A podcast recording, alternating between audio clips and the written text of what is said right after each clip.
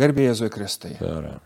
Toliau tęsiam savo pamastymus dvasinę temą ir uh, praėjusią sykį kalbėjom tokį labai svarbų dalyką ir kad uh, liaudį mėgstamas posakis buvo ir dar kai kur tebėra, kad ką Dievas myli, tam ir kryželį duoda. Tai norėčiau iš tikrųjų pratesiant ir apie neteisingą Dievo įvaizdį, jis yra vienas iš tų, kai žmonės nesugeba atpažinti, koks yra skirtumas tarp tikros Dievo duotos kančios ir tarp žmogaus paties susikurtos kančios arba kančios kaip nuodėmės pasiekmės. Nu, tarkim, žemaitiškas posakis durnumas turi skaudėti. Iš dėlgiuosi neišmintingai žinau, kad nu, arba ne, kiek yra liaudės e, pamokymų ar patarlių, kad jeigu nesimokysi, vardė gyvensi ir taip toliau. Kaip dabar atskirti tą dalyką? Kur atskirti, kad Dievo valia yra, liaudiškai kalbant ar ne, neš tą kryželį, o kur tiesiog užduotis yra, nu, čia kaip sergančiam žmogui sakai, nu, nueik tu pas gydytoją, kam tu čia mučijas. Tai matai, kalba apie išmintį yra vienas dalykas, tikrai išminti. Kitas dalykas dabar, tai principas tai būtų toks. Nu, čia keli dalykai yra, ne? Vienas dalykas, kad jeigu aš galiu kažkokio tai dalyko išvengti, pasigydyti, Iškai, nu, Dievas. Arklį pririšti, kaip anksčiau ja, sakydavo ja, tą tai, pavyzdį. Tai tą reikia ir padaryti, nes yra natūrali tvarka, Dievo kažkokia duota tvarka, tai yra protas duotas žmogui ir kai žmogus tą protą naudoja, nu, tai jisai turi tą protą ir naudoti. Tačiau yra kiti dalykai dar, yra tvarkos klausimas. Ne? Ir yra normalaus to tikėjimo klausimas. Tai Dabar mes apie ką kalbam. Jeigu žmogus gyvena, tai vad vienas dalykas, kad yra normaliai, susirgai, geriai aspiriną ar dar kažką tenai ir gydaisi. Susilaužiai koją, na, sugipsavo ir taip toliau. Čia elementaru. Tai reiškia. Nes jeigu pradėsi tame kažkokios mistikos ieškoti, gali po to mistikos ieškoti, kokius sugipsavo koją, gulėdamas gali galvoti, tada Dieve, aš, kodėl aš taip kvailai ilgiausi, dar kažką padariau. Žinai, čia kitas dalykas. Bet dabar yra dar kitas dalykas. Dabar su tais kryželio, tai, aiškiai, Dievas apvalo kiekvieną vaisingą šakelę, ten yra pasakyta šventame rašte. Tai, tai vaisinga šakelė, tai e, keli dalykai yra. Tai e, šiaip, kaip jau buvom kalbėję, tai nėra tai populiaru mąstyti, kad štai einu jam žinai gyvenimą. Visai užmirštas dalykas yra, aš manyčiau, kad visai tikinčių tarpe, kad tas yra pergalės vainikas, apie kurį kalba taip dažnai apaštalas Paulius. Tai yra šventumo siekinys. Ir jeigu kalbėtų apie kryželį, tai apie tą kryželį gali kalbėti tie žmonės, kurie tikrai stengiasi pamaldžiai, rimtai pamaldžiai gyventi. Gyventi tikrai stropiai pagal Dievo įsakymus. Ir būna tokie momentai. Iš pradžių Dievas tai labai laimina kažkokį žmogų, kuris pradeda žengti tikėjimo keliu. Viskas tiesiog liejasi kaip iš gausybės ragų. Būna taip, ne? Bet iki tam tikro laiko. Žmogus patiria Dievo gerumą ir paskui prasideda visokie, sakytume, tokie sudėtingi dalykai. Sugrįžta į įdos silpnybės, kurios atrodytų jau buvo dingusios, ar laikinai tiesiog dėl Dievo malonės neturėjo galios. Visai, ne, ir gali būti, žiūrėk, galim kalbėti apie dvasinius sunkumus. Taip. Tai yra, nebesinori melstis, atrodo, kad Dievo nėra, tai tamsioji naktis ateina. Gali būti. Gali būti psichologinio plano kažkokie tai sunkumai kad štai lenda visokie įkyrumai. Gali būti dvasinio plano sunkumai, kad štai atsiranda įvairiausių pagundų, ne kaip minėjai, kad buvusių. Gal mėgau išgerti, gal mėgau ten kažką tai, gal mėgau taip toliau ir prasideda kovos kažkokios tai didžiulės. Gali būti ir kad kažkokių tai tikrai praradimų, netgi artimų žmonių praradimų, lygų, gali būti net paties žmogaus tam tikrų neįgalumų. Mes, sakysim, ir šventųjų gyvenimuose mes tą matome. Paimkim tą pačią Faustino Kovalskio, imkim tą patį Joną Paulių II, aktualūs. Jeigu galim dar žiūrėti, atsiversti, rasime tų šventųjų knygose visą eilę tokių, tokių pavyzdžių, kurie pasaulio, nu, dabar mūsų tokius sėkmės Evangelijos, pavadinkime šitaip suformuotų žmonių, ta sėkmės tai kabutėse, bet tokių žmonių suformuota tokia, kad čia turi būti kietas, stiprus, taip toliau, čia viskas to turi sektis, tai mums atrodo tie žmonės, tie šventieji kaip kažkokie tai vergetos, nelaimėliai. Nors jie save matė galbūt visiškai kitaip. Nebūtinai įvardinti ten kažkokį ten ar e, e, klasifikuoti šventėjai, bet kiti žmonės, kurie tiesiog padoriai gyvena, ta prasme stengiasi ypatingai pamaldžiai gyventi, patiria įvairiausius suspaudimus. Tai čia jau yra visai kita kalba, kalba kokią, kad iš tikrųjų apie didelę Dievo meilę, o ne kaip keistai skamba. Kodėl? Todėl, kad tas žmogus įsitvirtintų savo darybėse. Ir Dievas galėtų dar labiau per jį veikti, kad tas žmogus tiesiog jisai nuo savęs paties, nuo savo būties visiškai nuvalomas ir pasilieka, aišku, labai įdomi skamba, bet mus nuvalo Dievas nuo mūsų pačių būties, kad jau jisai pats veikia mūsų būtyje visiškai. Ne? Už tai tada prasideda kiti jau dalykai. Ir jeigu pasitikė tokioje situacijoje Dievu, tai tada Dievas pradeda per mus veikti, jis pradeda daryti stebuklus. Nu, žodžiu, vyksta jau visai kiti dalykai. Bet nebūtinai tie stebuklai turi būti šiuo metu, metu su stebuklais, tai mes norim iš karto veiksmo to veiksmą. Ne? Bet mes nematome, kaip Dievas e, tų žmonių maldų išklauso, kaip priima tą jų auką, tą kančią priima. Tai va, tai va čia. Ir teisingai, man tiesiog prisimena vienas pavyzdys. Iš tai labai geras kalbėtojas, nu, visiškai susimovė vienoj kalboje ir kažkaip nu, visi suprato, kad nu, reiškia, nepasisekė jam. Ir ateina vienas žmogus, kuriam reikėjo pagalbos ir jis sako, sako, aš turiu drąsos dabar jūsų prašyti pagalbos tik todėl, kad jūs susimovėt. ir po to, vadinkim, jis ėmė... Tai, kad pavyzdį. numitina jis visiškai. Jo, jo, ir įsivaizduotim tokį dalyką. O nemalonu baisiausiai. O nemalonu, žinai, o po to, vadinkim, jau žiūrint, tiksliai aš negaliu pacituoti, sakykim, šito dalyko, bet prisimenu, sakykim, patį tą faktą, ar ne, reiškia, po to, vadinkim, ta pagalba buvo milžiniška ir įtaka kitų žmonių gyvenimam buvo labai didžiulė.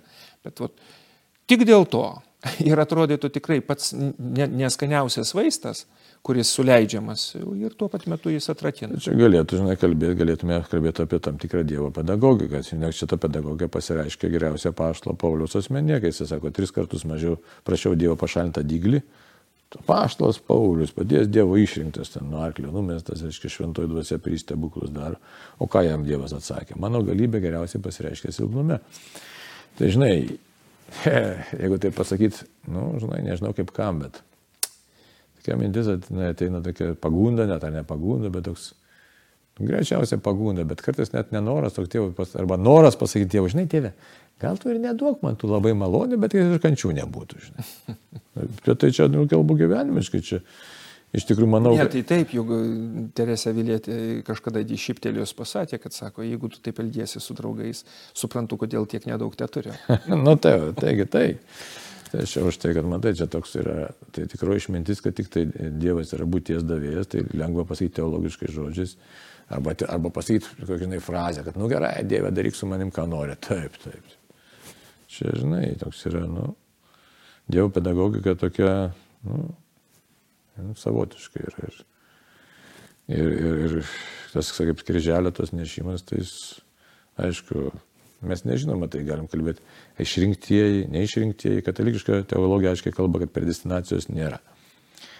Taigi, bet Dievas kiekvieną kviečia, į gelmę tai kviečia tikrai kiekvieną. Aišku, jisai žino mūsų prigimti, mūsų silpnumą, tai Šventas raštas ką sako, Dievas nebando mūsų virš mūsų jėgų. Bet ką tai reiškia? Tai reiškia, kad vis tiek atveda iki tam tikros ribos ir ta riba, nu tai rib, ant ribos stovėti gyvenimo ir mirties. Tai čia nėra su karuselėm suktis. Čia, čia nėra supinės, kad pasisupau ir nuėjau. Čia iš tikrųjų yra, tai kas čia gali būti, įvairios situacijos gali būti, netektis, vėžys, dar kažkas, tai krūva visokių galimybė yra mintis, tuštuma, praradimas. Žodžiu, kai tu, Karlo Ranerio šitą knygelę yra, kaip tai Dievo potyris šiandien. Tai, tai kalba apie tikrą mistiką, kur Karlas Raneris. Tai tikroji mistika yra, kai Dievas tave atveda iki ribos ir kai tu jau ant tos ribos visiškai būdamas, tada supranti, kad ir tame yra Dievas ir kad Dievas yra virš visko. Čia tikroji mistika, ne kažkokie reginiai, ne kažkas, o kaip, kaip taip gražiai pasakyta. Jis dažnai, Karlas Ranis, naudodavo tą mintį, reiškia, e, viltis ten, kur nėra jokios vilties. Man itališkai tai skamba taip įdomi, žodžiu žaidimas. Sperare kontra oni speranza. Tai yra e, viltis net, kur gyvenimas prieštarauja vilčiai, įsivaizduoja. Tai va. Tai čia reikėtų, galima kalbėti apie tikrąją mistiką ir tikrą Dievo pedagogiką. Bet... In... Ir tikrai Dievo įvaizdį, jau realų jo buvimą. Kodėl kuris, taip kuris yra? Kodėl taip yra, mes nežinom, žinai, nežinom, nes mūsų noris. Čia ir, ir nėra lengva šitą temą, yra sunki tema, nes ir jos taip paprastai nesakys, žiūrėk, Dievas tikrai išklauso ir stebuklus padaro. Ir vis dėlto lieka šitas elementas.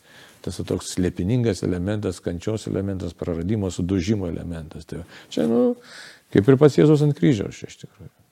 Neišsiemamas Dievo slėpinys. Štai na, kai kurie teologai ką sako, kas labiausiai pribloškia piktąją dvasę.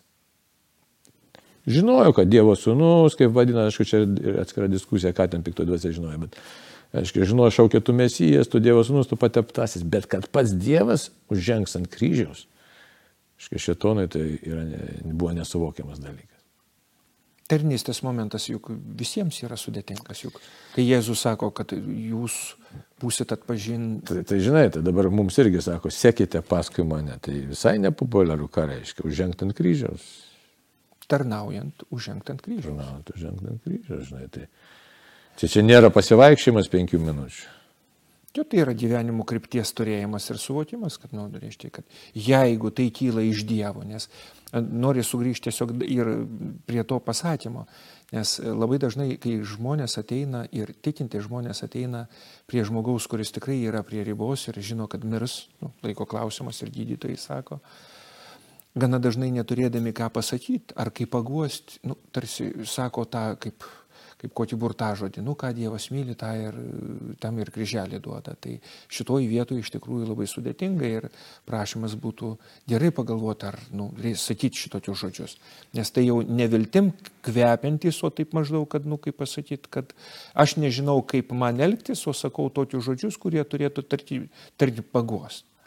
Taip, tai bet norėtų mums šitą apibendrinti visą tą mūsų kalbėjimą, kokiu būdu jis nėra lengvas tikrai.